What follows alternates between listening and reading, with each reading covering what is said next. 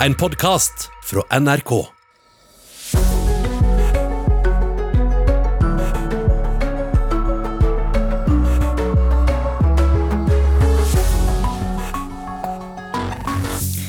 God morgen. Det er mange som er spente i dag. For i løpet av dagen får alle som har søkt på universiteter og høyskoler svar på om de har kommet inn på det studiet de aller helst ønsker. Og det er mange som vil studere fra høsten av. Tallet på søkere til høyere utdanning er nesten 10% høyere enn i fjor.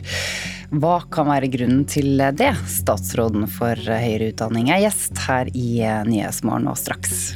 I Colombia truer koronapandemien hele fredsprosessen i landet. Det er en økning i vold og trusler, og minst 37 politiske og sosiale ledere er drept de siste månedene. For når folk må holde seg hjemme, så er det også lettere å finne dem. Mange av oss dyrker grønnsaker i hagen denne sommeren. Ikke siden krigen faktisk, så har så mange gjort det. Eh, og det er eh, bl.a. squash folk eh, dyrker. Det er, det er nemlig veldig lett å få til, skal du få høre denne sendingen. Dette er altså noe det skal, du skal få høre mer om i Nyhetsmorgen den neste halvtimen. Og så skal vi også innom disse dødsfallene i Lørenskog som preget nyhetsbildet i går. Vi jobber med å få greie på siste nytt der. I studio i dag, Anne Jetlund Hansen og Ida Creed, velkommen. I løpet av helgen så har mange håpefulle allerede fått svar fra Samordna opptak om hvor de skal studere til høsten. Rekordmange har søkt høyere utdanning i år, og et spørsmål nå det er hvordan koronapandemien påvirker karaktersnittet som trengs for å komme inn på de ulike studiene. Inga Kristine Rui Dretvik er en av dem som står på venteliste til drømmestudiet sitt. Der har karaktersnittet økt med 0,8 poeng fra i fjor. Det har jo vært ganske heftig pågang på um, å logge inn nå, som alle sammen skal få vite resultatet sitt. Inga Kristine Rui Drettvik er en av mange spente søkere som endelig får svar på om og hvor de får studieplass til høsten. Da har jeg jo fått eh, tilbud om ventelisteplass på um, rettsvitenskap på Universitetet i Oslo nå til høsten, og så studieplass til våren. da. I år har over 150 000 personer søkt studieplass via samordna opptak.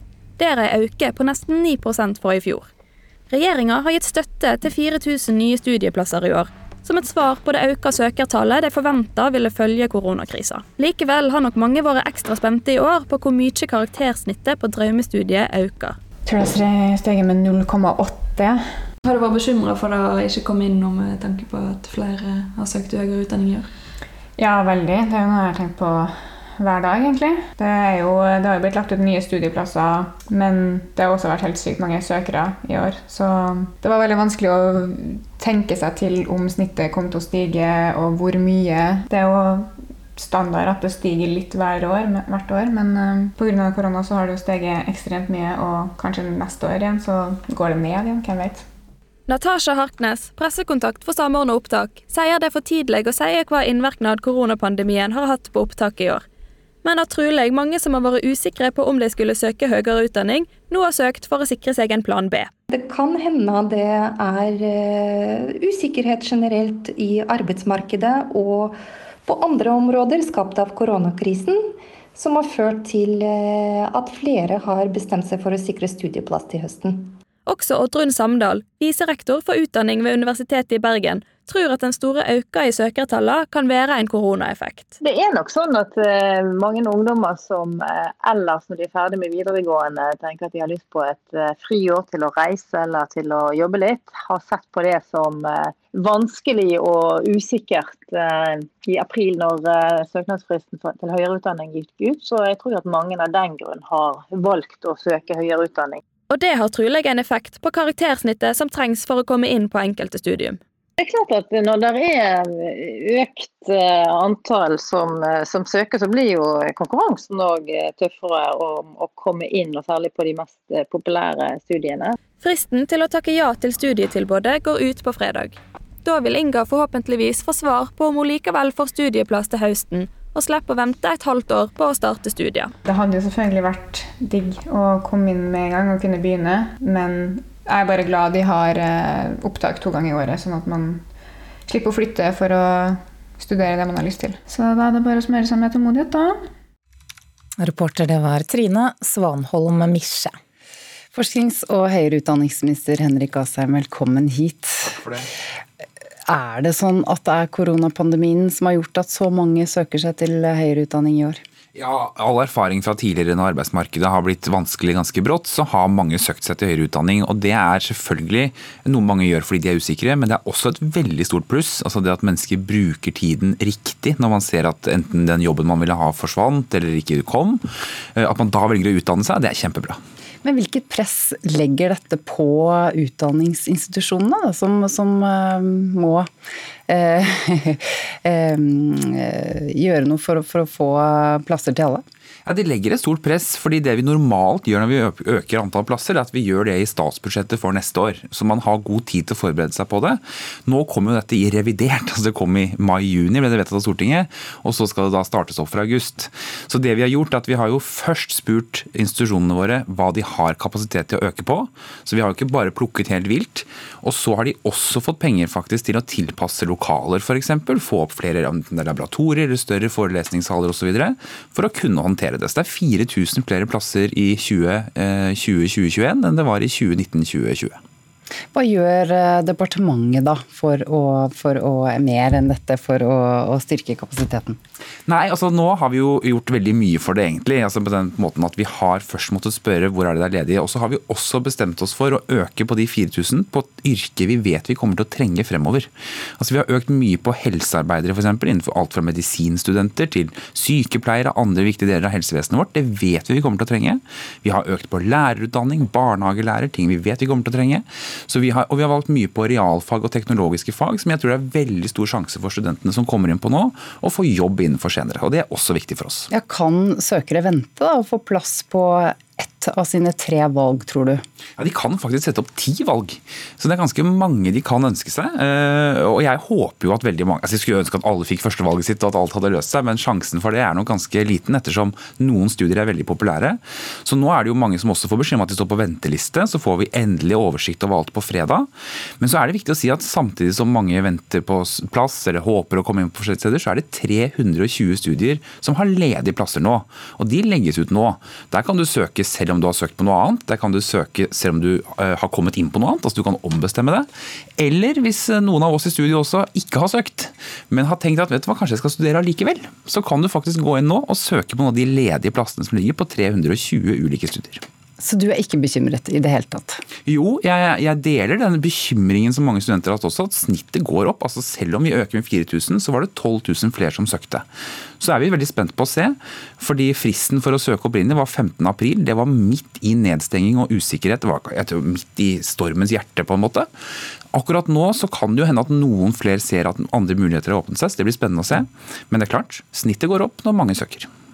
Takk for at du kom hit, forsknings- og høyere utdanningsminister Henrik Asheim.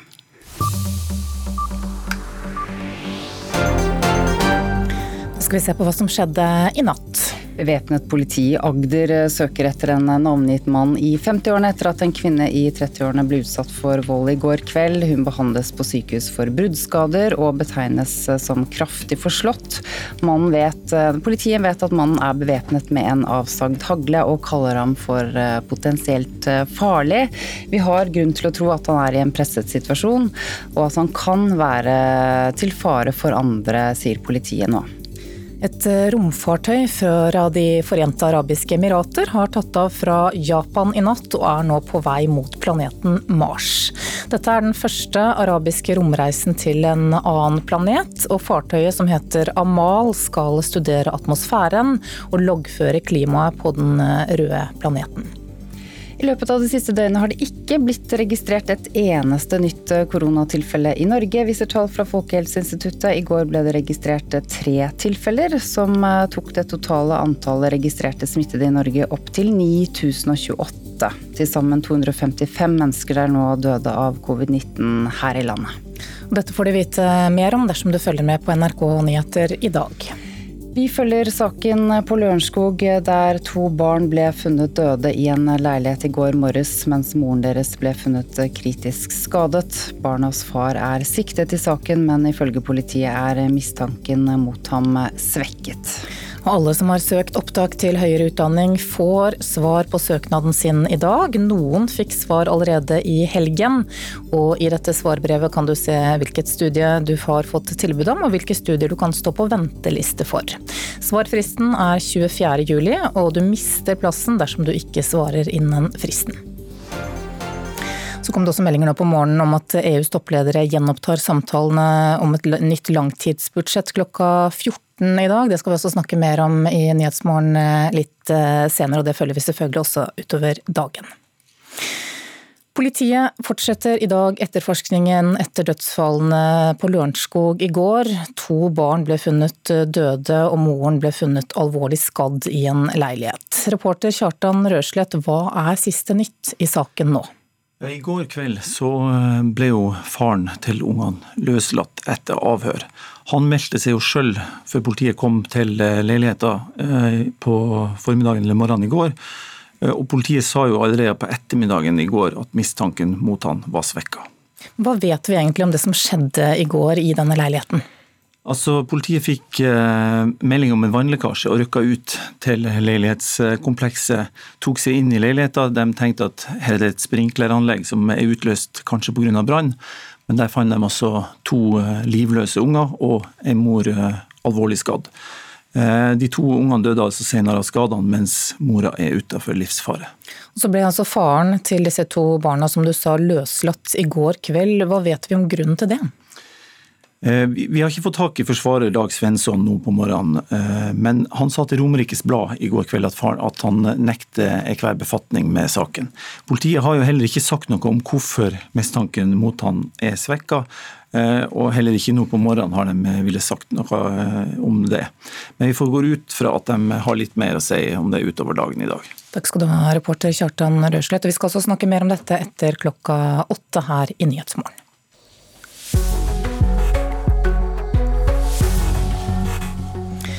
7.15 er eh, klokka blitt. Du lytter til eh, Nyhetsmorgen, og dette er også hovedsakene våre.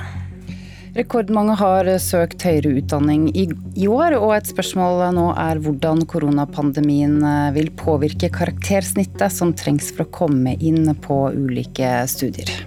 1700 flere norske studenter får plass i boligene til Studentsamskipnaden i Oslo sammenlignet med i fjor.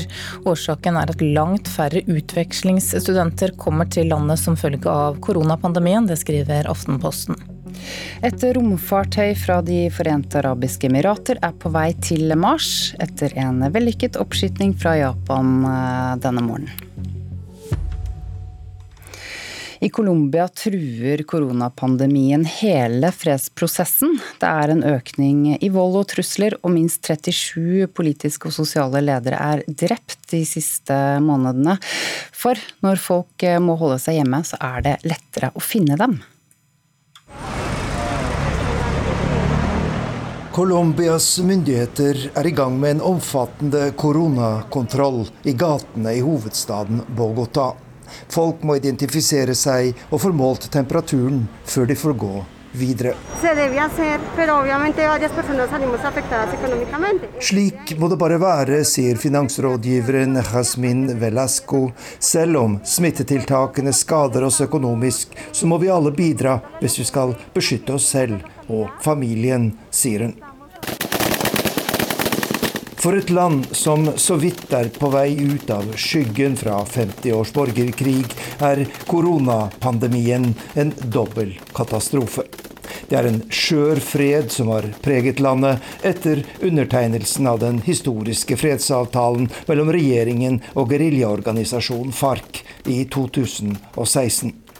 Ahora invitamos a firmar el nuevo acuerdo de paz al señor presidente de la República Drap, vold og trusler mot fredsavtalens forkjempere har preget Colombia de siste årene.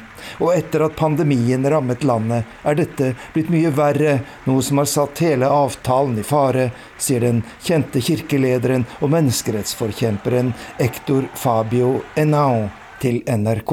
Ve con jeg ser med bekymring på økningen i vold og trusler knyttet til fredsavtalen. 37 politiske og sosiale ledere er bekreftet myrdet de siste månedene, og 48 andre dødsfall etterforskes som drap, sier han. De som blir drept, er folk som leder kampen for at bønder skal få den jorda de er lovet i avtalen. Og det er aktivister som kjemper for menneskerettigheter og urfolksinteresser, og mot miljøødeleggelse og korrupsjon, sier Ektor Enau, som leder den store hjelpeorganisasjonen Caritas i Colombia. En viktig grunn til at drapstallene øker, er at pandemien tvinger ofrene til å holde seg i sine boliger, der fredsavtalens fiender vet hvor de skal finne dem. I tillegg fører koronakrisa til at myndighetene har enda mindre ressurser til å beskytte lokale ledere som kjemper for å få satt fredsavtalen ut i livet. Vår medarbeider Arnt Stefansen har sett på situasjonen i Colombia. Her eh, hjemme er tallet på akutte telefonsamtaler om selvmord doblet siden i fjor. Det vil altså si mennesker som ringer inn og sier at de har konkrete planer om å ta sitt eget liv i løpet av kort tid. Den store oppmerksomheten hjelpetelefonene har fått de siste, eh, siste årene er avgjørende, sier en forsker vi har snakket med. Jeg skal alltid i alle samtaler spørre innringer om de har det så vanskelig at de tenker å ta sitt eget liv. Det kan sitte langt inne å si det, og langt inne å stille spørsmålet har du tenkt å ta ditt eget liv? Men for Heidi, som er frivillig på hjelpesentralen til Kirkens SOS, er det obligatorisk. Fordi jeg har erfart at mange samtaler som virker eh, ganske nøytrale, kan ha en veldig mye dypere bunn, og at det er, ligger og ulmer et eh, selvmordstanker og pågangen har auka i samtalene der de som ringer har akutte planer om å ta sitt eget liv. Prosentmessig antall eh, akutte selvmordssamtaler på telefon eh, nesten har dobla seg denne sommeren sammenligna med i fjor sommer. Det sier kommunikasjonsansvarlig i Kirkens SOS, Hailey Hammer. Ved akutt alvorlighetsgrad så vil det si at eh, den som ringer eller skriver inn har konkrete planer om hvordan, og innen kort tid, innen 24 timer. Fredrik Valby, forsker ved Nasjonalt senter for selvmordsforskning og forebygging, tror dette henger sammen med den økte oppmerksomheten han har hatt på temaet de siste åra. Det har jo virkelig eskalert med oppmerksomhet, fokus og åpenhet det siste året. Også knyttet til hjelpetelefonene. og Jeg tenker at det er hovedforklaringen. Eh, de blir bedre kjent, og da blir de også mer brukt. Og det er bra. Samtidig sier han at verknadene av et stengt samfunn under koronakrisa også har spilt inn. Da har det jo vært en reduksjon, eh, kortvarig i hvert fall, i de vanlige hjelpetilbudene. Eh, helsevesenet har vært veldig prioritert rundt smitte og rundt korona, som nok gjør at mange som har et tilbud, har fått redusert det. Eh, og I tillegg så er det jo sånn at folk som har mye angst og er mye bekymret fra før av, blir jo gjerne også mer urolig i en sånn situasjon. Og da har lavterskeltilbud som hjelpetelefonene våre avgjørende. Det sier Hammer i Kirkens SOS. Vi får tilbakemeldinger fra folk som har ringt eller skrevet til oss, hvor de forteller at vi eh, redda livet deres den kvelden. Og det viser jo at det rett og slett er livsviktig at vi finnes. Reporter eh, Vilde Gjerde Li. Hittil i år har 46 mennesker dødd etter å ha druknet. Mange av disse ulykkene skjer i elver og i vann med sterke krefter og høy vannføring. Selv om det er vanskelig å holde hodet kaldt, så fins det råd dersom du havner i en farlig situasjon i vann. Ja, kom med line nå! Det er snakk om egentlig bare altså, centimeter forflytning i elva kan føre deg inn i en virvel som drar deg ned. Det blir dratt under, det, altså bare noen sekunder blir dratt under, starter en panikkprosess. Det går så fort at du, du rekker som ikke å trekke pusten før dette skjer. Man begynner å kanskje å svelge vann, og, og så er man i gang med en drukningsprosess. Og da, da går du ned. Det sier Lars Fossum. Han er tidligere brannmann og har vært med på å redde mange liv opp fra vann. I 1999 startet han Hodet over vann, et opplæringssenter for sikkerhet i vann og vannredning. Folk flest undervurderer kreftene i elva. Og um, er ikke klar over at det er eh, så mye krefter som det egentlig er. da. Altså, det er jo 50 000 liter vann som renner bak her i sekkundet. Eh, Det er mye vann. Og det er klart Når det presser deg mot et objekt eller presser deg eh, ned under vann, så har du ikke kjangs å motvirke de kreftene. Hvor fort, Hvis du er i en sånn strøm som her, for eksempel, hvor fort beveger du deg nedover da? Det er stor forskjell på hastigheten av vannet. Og det er slik at eh, Kreften i elva den firedobler seg når hastigheten dobler seg. Så i en rask elv så kan du flytte deg opp igjen en 30-40 km i timen på det ekstreme. Ifølge Redningsselskapet skjedde nesten hver femte drukning i perioden 2017 til 2019 i elv. Når det gjelder elv, så er det fall fra land som er den vanligste drukningsårsaken. Men også fritidsbåtulykker og bading har tatt flere liv. Hvilke typer vann kan sånne sterke krefter oppstå? Det er jo elver eh, hovedsakelig, men også i eh, tidevannsstrømmer på sjøen. Eh, og selvfølgelig også innerst ved brenninger, der bølgene slår inn mot eh, land, er det også mye krefter. Eh, mange steder så bader man kanskje i en kulp på nedsiden av foss, fordi man, for en turist er det flott å se en foss. Det ikke så mye vann, og du kan ha en stille kulp på nedsiden hvor vannet ser stille og rolig ut. Men der er det virvler og krefter som kan dra deg under, og det har vi dessverre sett altfor ofte at det skjer. Man er og bader, og så blir man tatt av, av krefter. Hvilke konkrete råd kan du gi? Hvordan skal man komme seg ut? Eh, punkt én er hvis man først er ute i elva, flyter med strømmen, ikke sett ned føttene mot bunnen. Hvis man setter føttene ned mot bunnen, så kan man tråkke mellom stener, mellom greiner og kvister, og da kan man havne i det som kalles en fotfelle. Eh, det vil si at bena sitter fast. Kroppen blir da pressa ned, sånn at hodet og overkroppen havner da under vann. Og der har man ikke mulighet for å komme seg løs selv. Eh, ligg flatt med bena først. Og da har man eh, kontroll på hva som kommer. Du har utsikt. Du ligger ganske beskytta. Så man må følge siden begynne å svømme på tvers av strømmen. Og da anbefaler vi å gå over til eh, å ligge på magen og svømme på magen. Og kråle helst på tvers av strømmen og inn til land. En vanlig reaksjon når man havner i strøm eller virvel, er at man får panikk og mister pusten. Lars oppfordrer til å prøve å beholde roen, og sist, men ikke minst Bruk flytevest. Er man i minste tvil, bruk flytevest. Det er den beste livsforsikringen man kan ha. Og Det gjelder jo både i elv, på sjø og vann og overalt. Er man fisker, er man ute i båt, bruk flytevest. Reporter i saken Ninni Bakke Christiansen.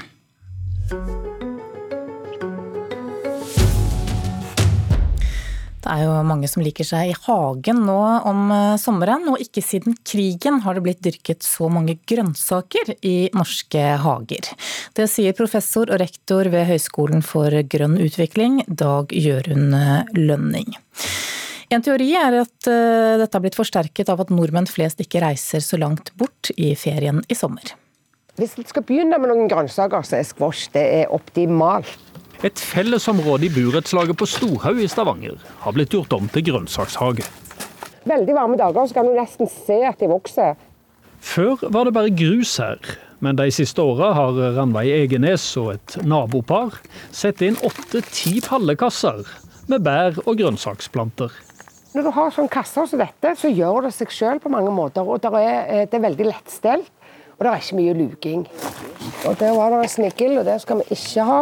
Så den må drukne ned her. Disse tar skal plenklippinga hjemme hos Dag Jørund Lønning på Jæren. Mot betaling i naturalia. Kom her, da. Kom, kom, kom, kom, Lønning er forfatter av tre bøker om jord, professor, rektor ved Høgskolen for grønn utvikling og hagedyrkingsentusiast. Og han ser at stadig flere privatpersoner skifter ut prydblomster og plen med grønnsaker og bær. Jeg er ganske sikker på at det, har ikke vært så dyrka så mye i, eh, i norske hager siden krigen, faktisk. Han har ikke sikre tall fra Norge, men peker på at alle internasjonale tall for hagedyrking peker i samme retning. Vi har gode tall fra andre land som naturlig sammenligner seg med. USA, England, Australia, Australia, Halvparten av alle familier dyrker mat sjøl. I USA og England i alle fall over, over en tredjedel. I USA så sier fra 2008 til 2013 så økte det med 200% Det blir mindre plen, og det blir mindre roser, og det blir mer mat. Flere tenker på miljø og klima, Og koronasmitten har gitt oss mer tid til å være hjemme. Da har det å dyrke noe sjøl blitt ekstra viktig. Men de som nå driver dette framme, det er 20-30-åringer. Det er ungdommer med masse tatoveringer. og? Altså, det, er den, altså, det her er veldig stilig, det er, folk, det her er framtidsretta. De er interessert i liv, de er interessert i naturen. Så den trenden har bare liksom eksplodert. Folk har funnet det på Instagram og diverse sosiale medier, og så bare uff.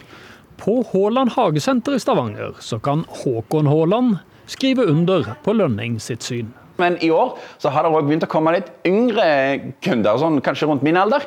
Det har vært en viktig årsak til at salget av nyttevekstplanter har gått opp med nærmere 40 i høve til i fjor.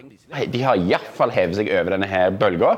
Så de òg kommer og spør, og de er jo veldig frimodige på å spørre og skal ha det veldig nøye. De er veldig nøye, de skal ha det ordentlig, skal ha resultat. Nå har vi høsta veldig, veldig mye her. Resultat har det også blitt i rikt monn av Senga sengana-plantene i pallekassen på Storhaug, som Ranveig Egenes har ansvaret for. Og da gjør det ingenting at de største bæra alt er høsta. Men det er alltid de små som er de beste. Det sa til slutt Ranveig Egenes på Storhaug i Stavanger, og reporter det var Ingvald Nordmark.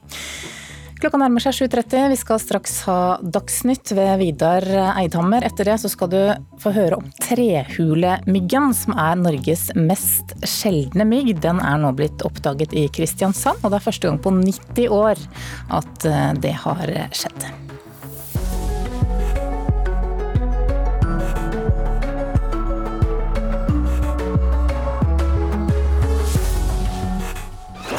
NRK P2. Vi skal ha en dobbeltkonsert av de sjeldne i Kulturskipa. Vi skal også ut og reise. Jeg blir så varm i hjerterota.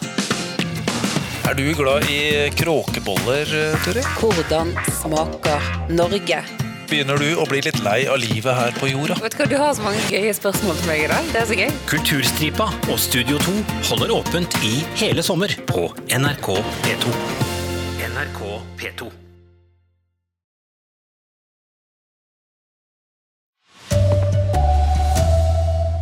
Svært mange har søkt høyere utdanning, og i dag får alle svar på om de kommer inn der de vil.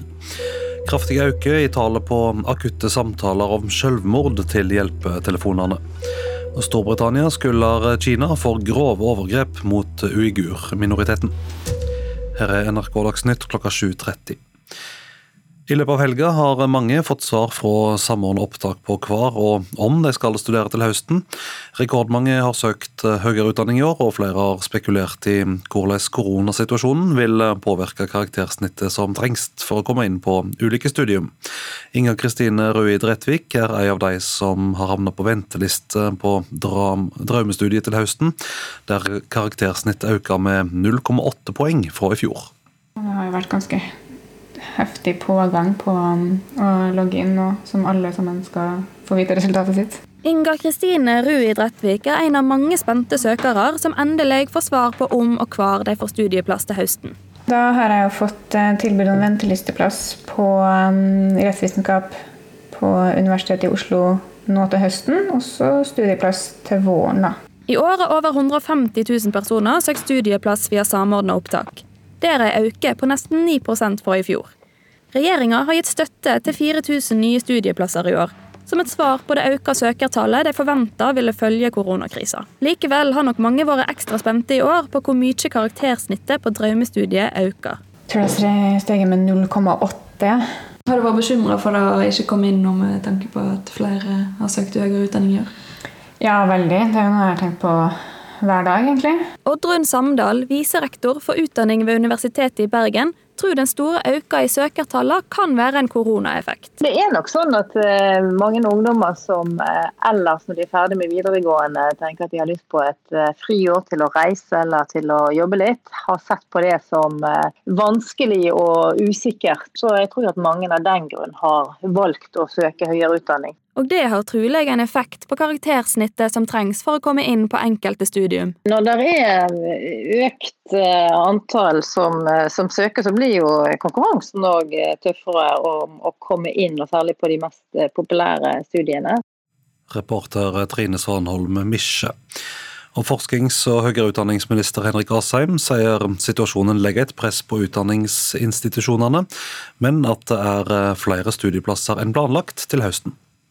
Ja, De legger et stort press, fordi det vi normalt gjør når vi øker antall plasser, er at vi gjør det i statsbudsjettet for neste år. Så man har god tid til å forberede seg på det.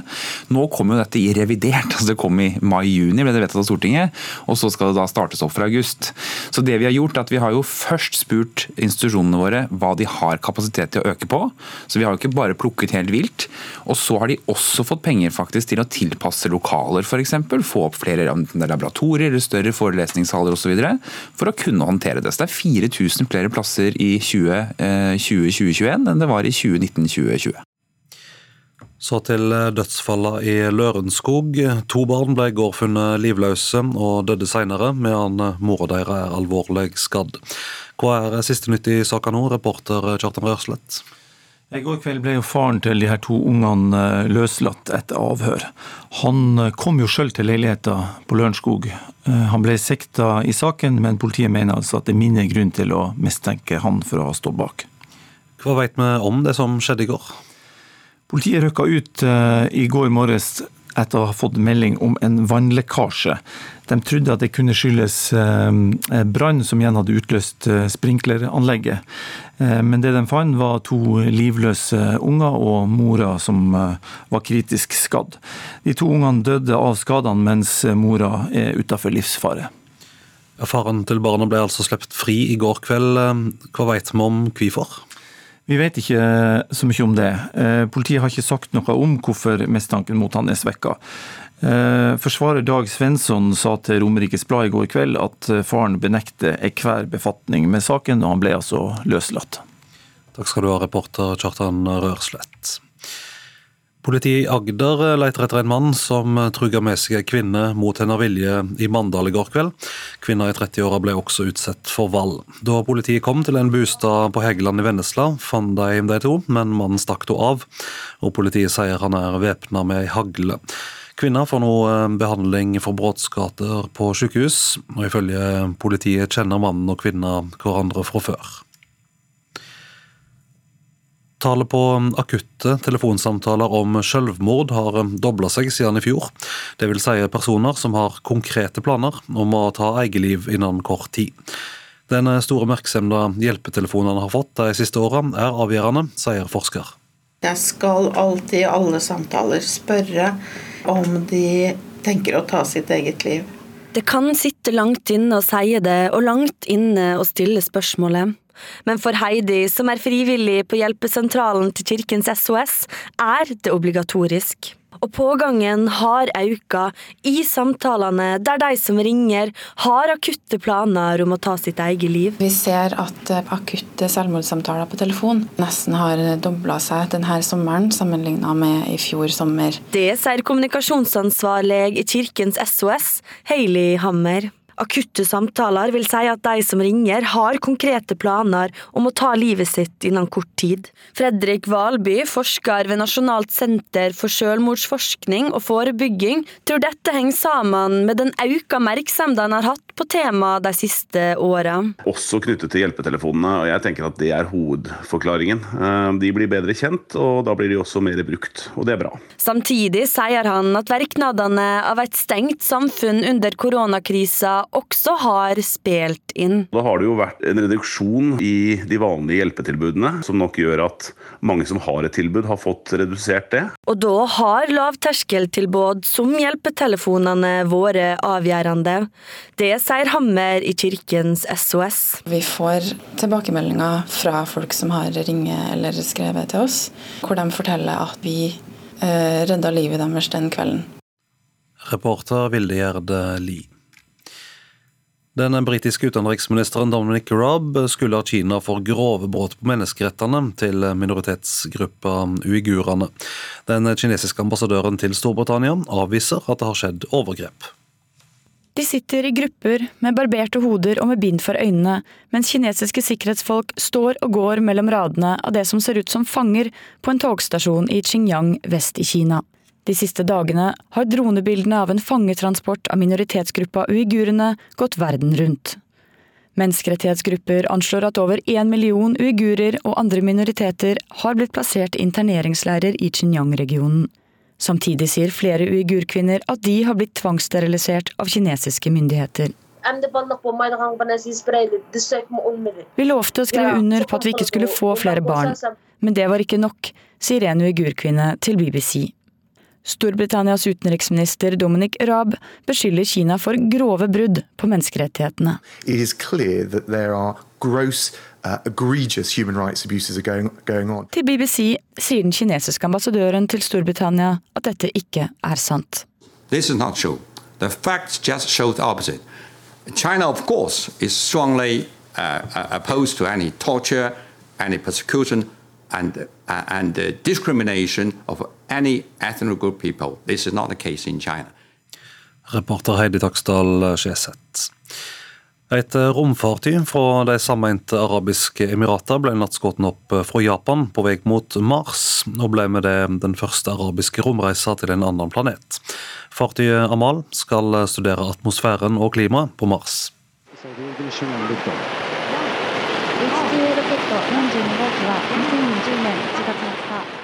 Slik hørtes det ut da romfartøyet Amal fra De forente arabiske emirater begynte sin syv måneder lange reise mot Mars etter en vellykket oppskytning fra Japan mandag morgen lokal tid.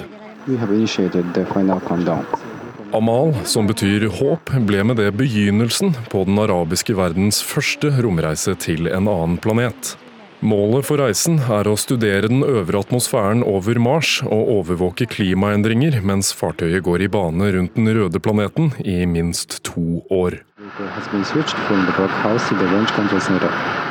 Oppskytningen med den japanske raketten H2A skulle egentlig ha funnet sted for fem dager siden, den 15. juli, men ble utsatt pga.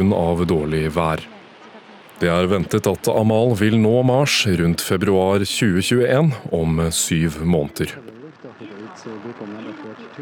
Reporter Elias Gloppestad von Grog kan også ta med at eh, Emiratet har som mål at det skal bo mennesker på Mars innen 100 år.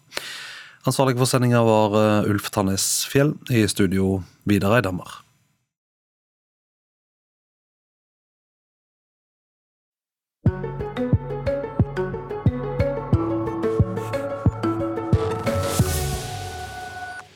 Her i Nyhetsmorgen skal det handle om Norges mest sjeldne mygg, nemlig trehulemyggen. Den har blitt oppdaget i Kristiansand for første gang på 90 år.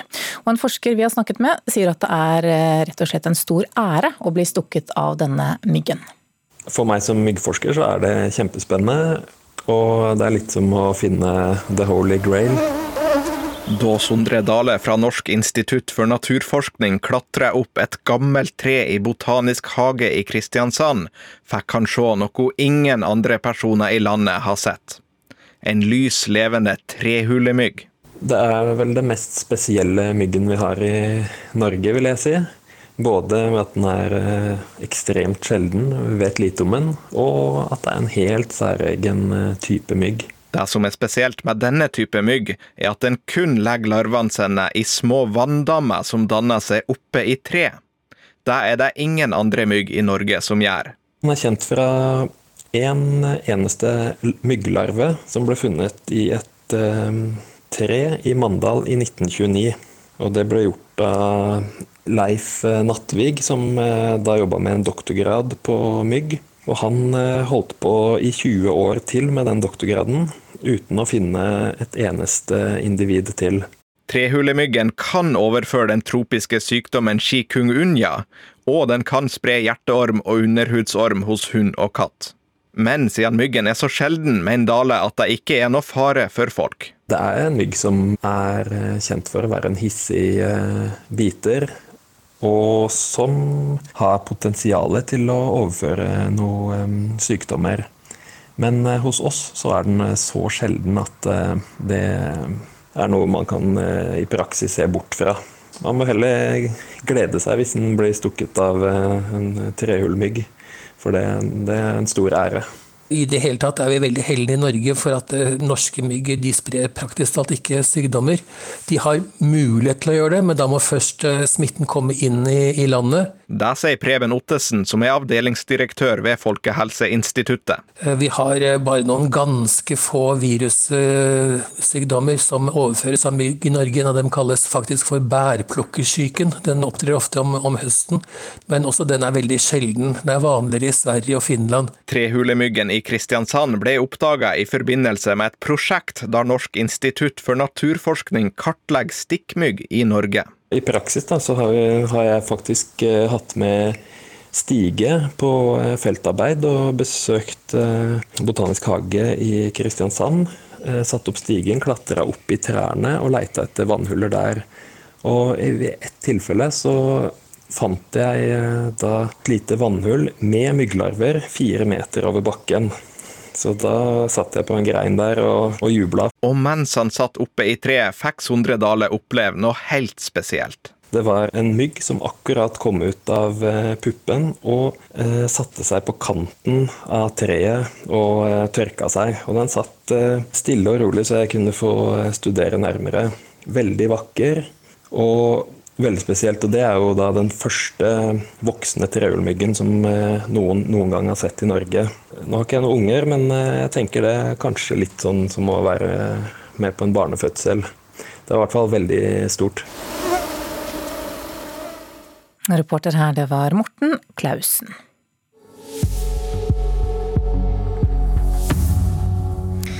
7.44 er klokka blitt. Du lytter til Nyhetsmorgen. Dette er hovedsakene våre. Svært mange har søkt høyere utdanning. I dag får alle svar på om de kommer inn der de vil. Det er en kraftig økning i tallet på akutte samtaler om selvmord til hjelpetelefonene. Og et romfartøy fra De forente arabiske emirater er på vei til Mars etter en vellykket oppskyting fra Japan nå på morgenen.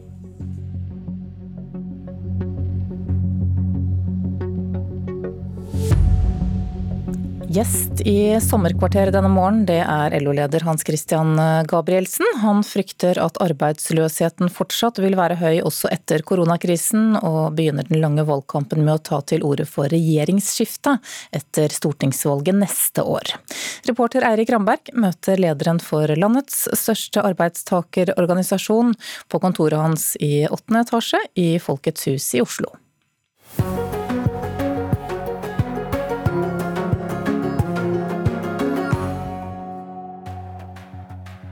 Verdensøkonomien vil være si, slurre lenger eh, enn eh, enn det mange kanskje nå tror. At liksom, nå er krisen over, og nå vil ting begynne å ta seg opp igjen. Jeg tror dessverre at dette vil ha nye former eh, i en tid fremover. Og ikke minst at det vil føre til at verdensøkonomien kommer til å gå tregere. Og som en følge av det også påvirke norsk arbeidsliv og norsk arbeidsledighet. Hans Christian eh, Gabrielsen, leder av Landsorganisasjonen i Norge. Kan du huske øyeblikket da du skjønte alvoret i koronakrisen? Ja, eh, jeg eh, fikk bekymringsmeldinger allerede i begynnelsen av mars. Men når vi, når vi kom til den 10. mars og vi begynte å se omfanget av en del av de tingene som eh, begynte å, å utarte seg. Så skjønte vi at her var det behov for å komme med ganske mye kraftfulle tiltak. Og jeg husker Uka før så var jeg oppe i Innlandet. Jeg var på besøk hos eh, Curida bl.a., altså medisinfabrikken eh, på Elverum. Hvor jeg for første gang hørte om en norsk bedrift som, i, som hadde sendt ut permitteringsvarsler Eh, fordi de ikke lenger fikk eh, innsatsfaktorene sine fra Asia. Eh, og Det var kanskje de første permitteringsvarslene som, som kom ut. Og Da husker jeg vi diskuterte på møtet på fabrikken der betydningen av å ha beredskapsproduksjon av kritiske medisiner også her hjemme. Og Dette er en debatt som har vært pågått veldig lenge, men, men da blei det så synlig og, og og tydelig for alle sammen eh, hvor sårbare vi er når vi eh, i store deler lener oss på to store land eh, som hele Europa og verden for øvrig er avhengig av. Så det var uka før. 5.-6. mars. Og så bare en uke etterpå så var det altså full stopp. Hans Christian Gabrielsen fra Slemmestad i Asker kommune har bakgrunn fra prosessindustrien. Siden 11. mai 2017 har 52-åringen hatt posisjon som øverste tillitsvalgt for over 960 000 medlemmer av landets største arbeidstagerorganisasjon, LO. Gabrielsen har i likhet med mange hatt perioder med hjemmekontor. Nå er LO-lederen på arbeidsrommet i åttende etasje på Folkets hus i Oslo, der NRK intervjuer ham på en drøy meters avstand. Koronakrisen og nedstengningen av Norge 12. mars førte på det meste til over 400 000 arbeidsledige og permitterte. Fra vinduene på LO-lederens kontor er det utsikt ned til Jungstorget, arbeiderbevegelsens storstue i Norge. Gabrielsen sitter framoverlent på sofasetet og slår fast at årets første mai-markering vil han aldri glemme, med et folketomt torg og digitalt tog. Men det å kunne stå og se utover torget med tusenvis av folk og, og holde en tale eh, Det er klart det blir, det blir, annerledes å stå og snakke inn i et kamera. Eh, for du, du, du mister jo den der direkte responsen som du ser når du holder tale for, eh, for, et publikum. Kjente du litt ekstra på krisen da, med den eksplosive arbeidsledigheten og denne digitale 1. mai-markeringen som du snakker om? Ja, absolutt. Altså, var, da, da, ble det så Det ble så eh, veldig, veldig uh, synlig. Uh, altså, Misforstå meg rett, ikke, det ble ikke synlig. Ikke altså, det, var et, det, var så annerledes.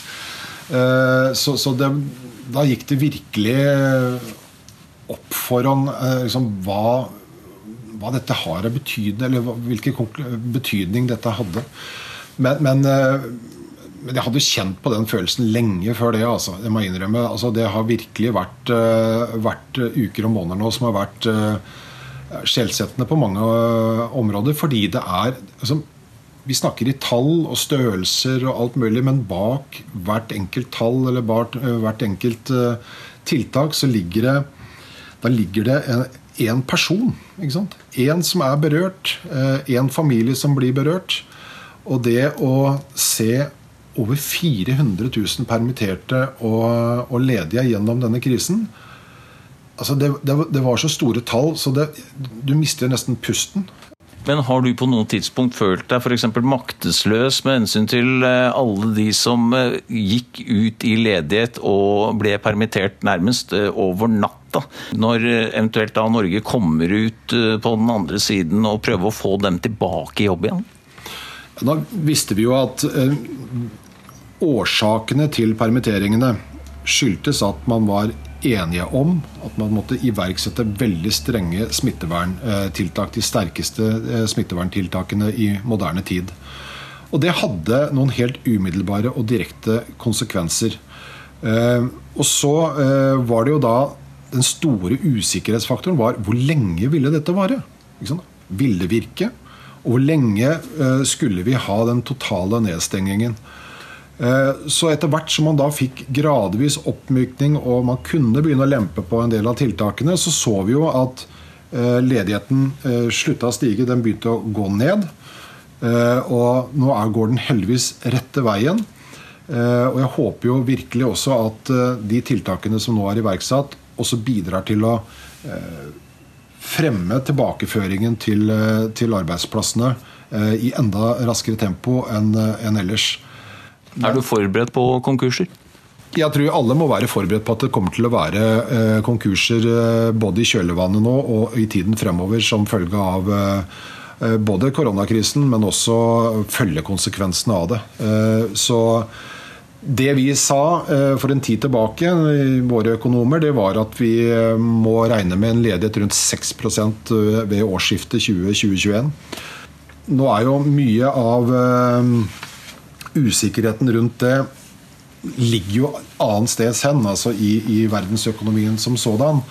Men at vi kommer til å ha en høy ledighet eh, når dette året er, eh, går mot ende, det tror jeg er ganske sikker på.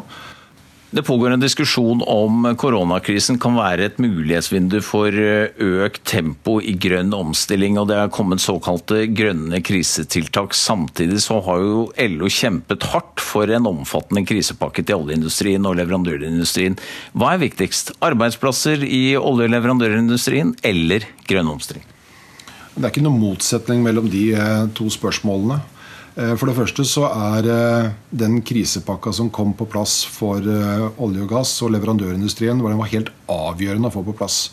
Både for å hindre masseledighet i deler av leverandørindustrien, men også for å sikre at vi får de investeringene, at vi får de teknologisprangene, at vi får den den, den, den krafta som skal til for å få på plass investeringer i det grønne skiftet, f.eks. innenfor havvind. At vi skal få på plass en verdikjede for karbonfangst og -lagring.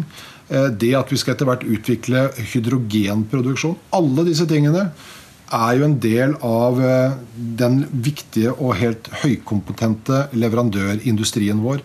Og det er de samme eh, virksomhetene som kommer til å bidra til å ta oss i den retningen. Eh, så det å tro at du får et grønt skifte på ruinene av en nedlagt industri, det har jeg alltid sagt at det er altså ikke veien å gå. Det har heller aldri vært den norske måten å tilnærme seg ting på.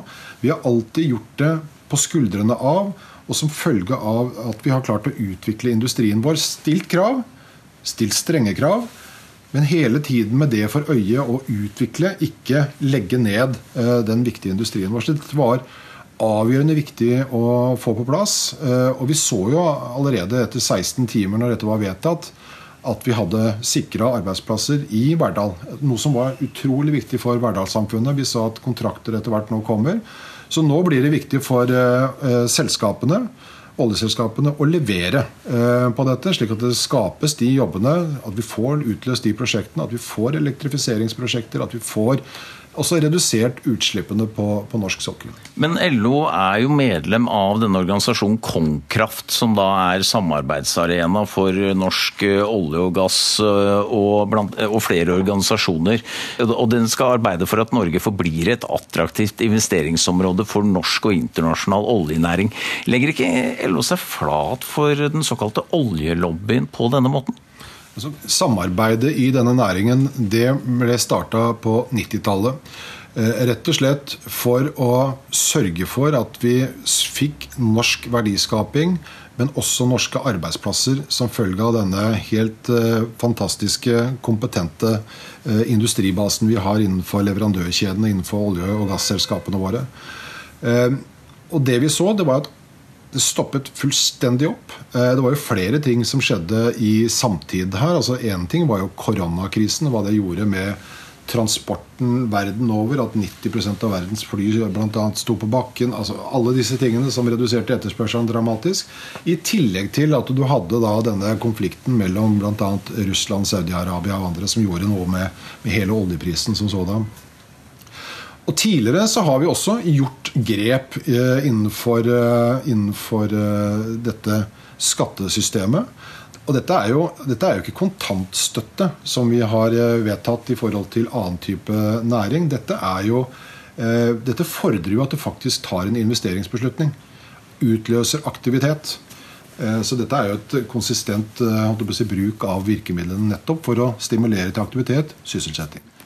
Oppi denne store krisesituasjonen som eh, du nå har beskrevet i norsk arbeidsliv, med over 400 000 permitterte og ledige eh, nærmest over natta, mm. så begynte det et eh, lønnsoppgjør. Årets lønnsoppgjør. Mm. Og årets lønnsoppgjør er et hovedoppgjør. Tariffavtalene skal reforhandles, i tillegg til forhandlinger om lønn.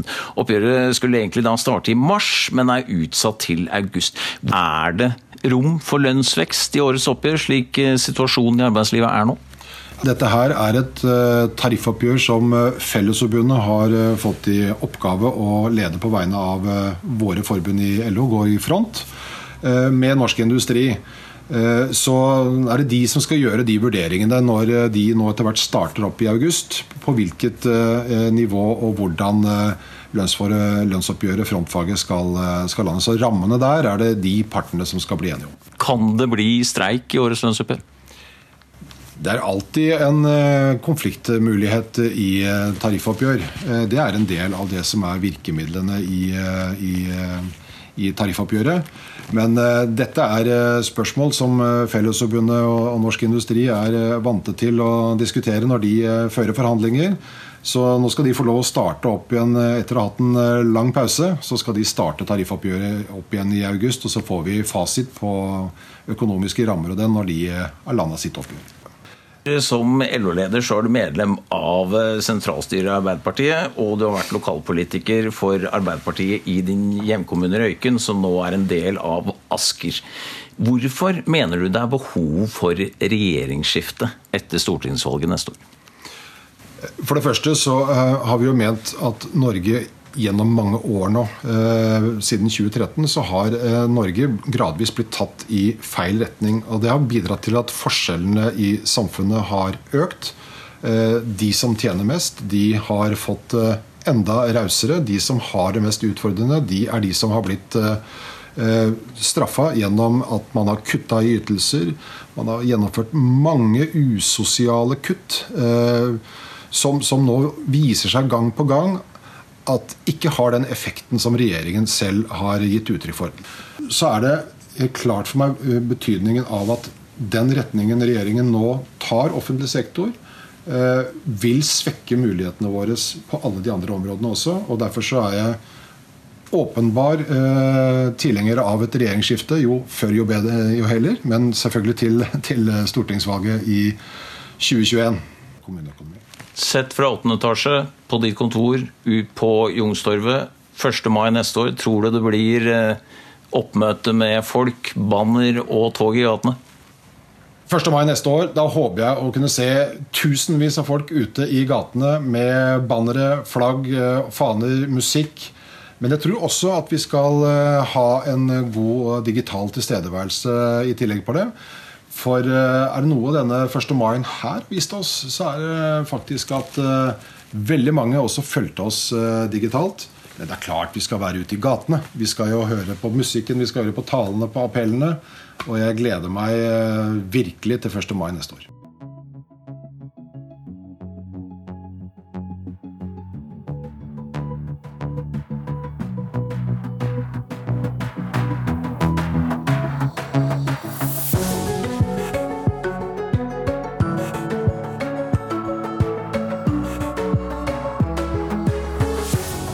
Du har hørt en podkast fra NRK. Hør flere podkaster og din favorittkanal i appen NRK Radio.